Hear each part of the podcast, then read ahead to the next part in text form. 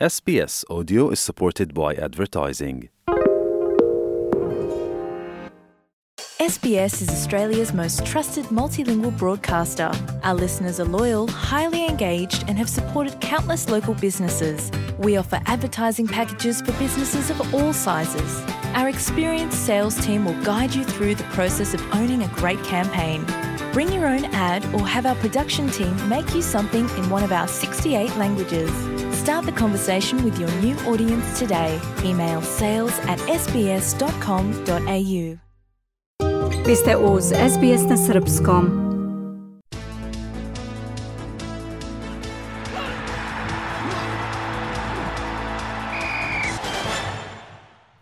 Ragbisti Penrita odbranili su titulu prvaka Australijske NRL lige pošto su u finalu odigranom u Sidneju pobedili Brisbane Broncose sa 26-24. Do trećeg uzastopnog pehara šampiona Panteri su stigli posle preokreta kakav nije viđen u velikim finalima. Sve do 18 minuta pred kraj ekipa Brisbanea je vodila sa velikih 24-8, a tada je na scenu stupio najbolji igrač Penrita Nathan Cleary. Najpre je omogućio Mozesu Lioti i Stevenu Crichtonu da postignu po jedan traj, da bi tri minuta pre kraja meča i sam upisao jedan pogodak i doneo pobedu svom timu. Cleary je za izvanrednu partiju nagrađen i medaljom Cliva Churchilla koja se dodeljuje najboljem igraču velikog finala NRL. Ovo je 25-godišnjem ragbisti drugi put u karijeri da je dobio ovo priznanje.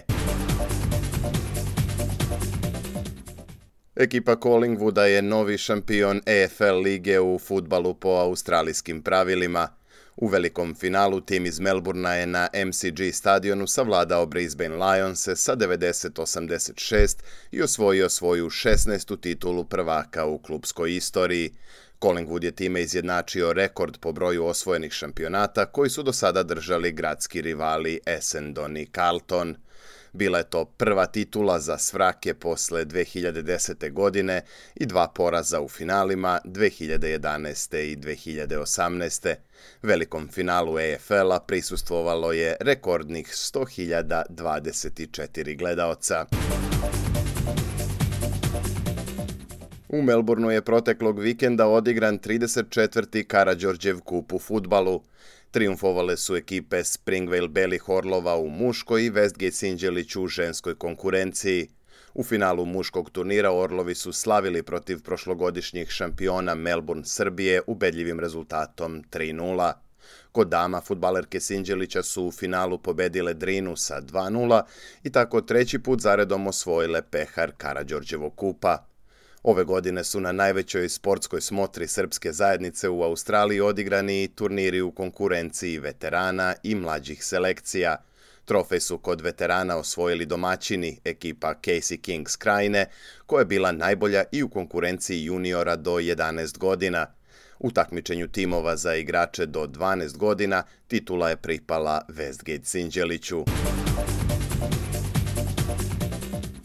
Srpski teniser Hamad Međedović plasirao se u polufinale ATP turnira u Astani pošto je sa 2-0 u setovima pobedio Čeha Jiržija Lehečku. Međedović je tako nastavio seriju odličnih rezultata, a u polufinalu će igrati protiv petog nosioca Sebastijana Korde iz Sjedinjenih država, koji je savladao prvog favorita turnira Talona Grigspora iz Holandije. U drugom polufinalu igraće Francuz Adrian Manarino i Austrijanac Sebastian Ofner. Međedović je pre turnira u Kazahstanu bio 120. igrač na ATP listi, dok je Lehečka bio na 29. poziciji. 20-godišnjak iz Novog pazara je plasmanom u polufinale Astane obezbedio sebi napredak od najmanje 15 mesta na ATP listi. Za to vreme u Pekingu drugi teniser sveta Carlos Alcaraz plasirao se u četvrt finale turnira iz serije 500. Mladi Španac je bez većih problema savladao Italijana Lorenza Musetija 6-2-6-2 i u narednoj rundi igraće protiv Kaspera Ruda, koji je savladao Argentinca Echeverija sa 2-1 u setovima. Plasman u četvrt finale obezbedio je i Janik Siner koji će igrati protiv Bugarina Grigora Dimitrova. U preostalim mečevima četvrt finala sastaju se Zverev Hari i Medvedev Amber. Futbaleri Partizana preuzeli su vodeću poziciju na tabeli Srpske Super Lige pošto su utakmici osmo kola kao gosti pobedili napredak u Kruševcu sa 2-0. Crnobeli su tako iskoristili remi TSC-a protiv mladosti u Lučanima 1-1 i prestigli ih na prvom mestu.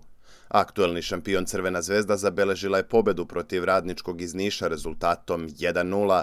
Crveno-beli se nalaze na trećem mestu na tabeli sa 18 bodova. U ostalim mečevima osmog kola Superlige postignuti su sledeći rezultati. Vojvodina IMT 2-1, Spartak Subotica Čukarički 0-3, a Radnik Javor 0-1 i Železničar Pančevo Radnički Kragujevac 0-2. Utakmica Voždovac Novi Pazar igra se večeras. Prvak Evrope Manchester City pretrpeo je drugi uzastopni poraz u Premier Ligi. Lider prvenstva savladan je u gostima od Wolverhamptona sa 2-1, ali i dalje ima bod prednosti u odnosu na prve pratioce Tottenham i Arsenal, koji su ovog vikenda ostvarili pobede. Tottenham je savladao Liverpool sa 2-1, dok je Arsenal slavio u Bournemouthu sa 4 prema 0. Novi neuspeh zabeležila ekipa Manchester Uniteda koja je poražena na domaćem terenu od Crystal Palasa 0-1. Na tabeli Premier Lige vodi Manchester City sa 18 bodova, slede Tottenham i Arsenal sa po 17, dok četvrtoplasirani Liverpool ima 16 bodova. Za to vreme u Španiji ekipa Real Madrida se vratila na čelo tabele pošto je u meču osmo kola kao gost pobedila Gironu sa 3-0. Bio je to prvi poraz Girone u ovom šampionatu, posle kojeg je ekipa sa severa Katalonije pala na treću poziciju. Pobedu je ovog vikenda zabeležio i Atletico Madrid 3-2 protiv Kadiza. Tim iz glavnog grada Španije sada je četvrti sa pet bodova manje od vodećeg Reala. A u Italiji su na vrhu tabele posle sedam kola izjednačene ekipe Intera i Milana. Oba gradska rivala zabeležila su pobede. Inter je kao gost savladao Salernitanu 4-0, dok je Milan na domaćem terenu bio bolji od Lacija rezultatom 2-0.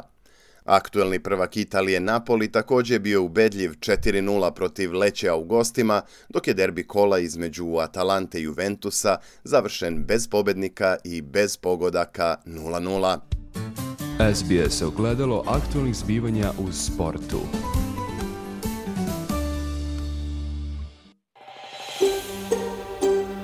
Želite da čujete još priča poput ove?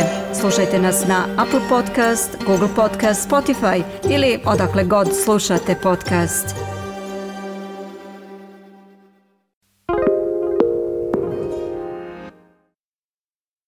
SBS is Australia's most trusted multilingual broadcaster.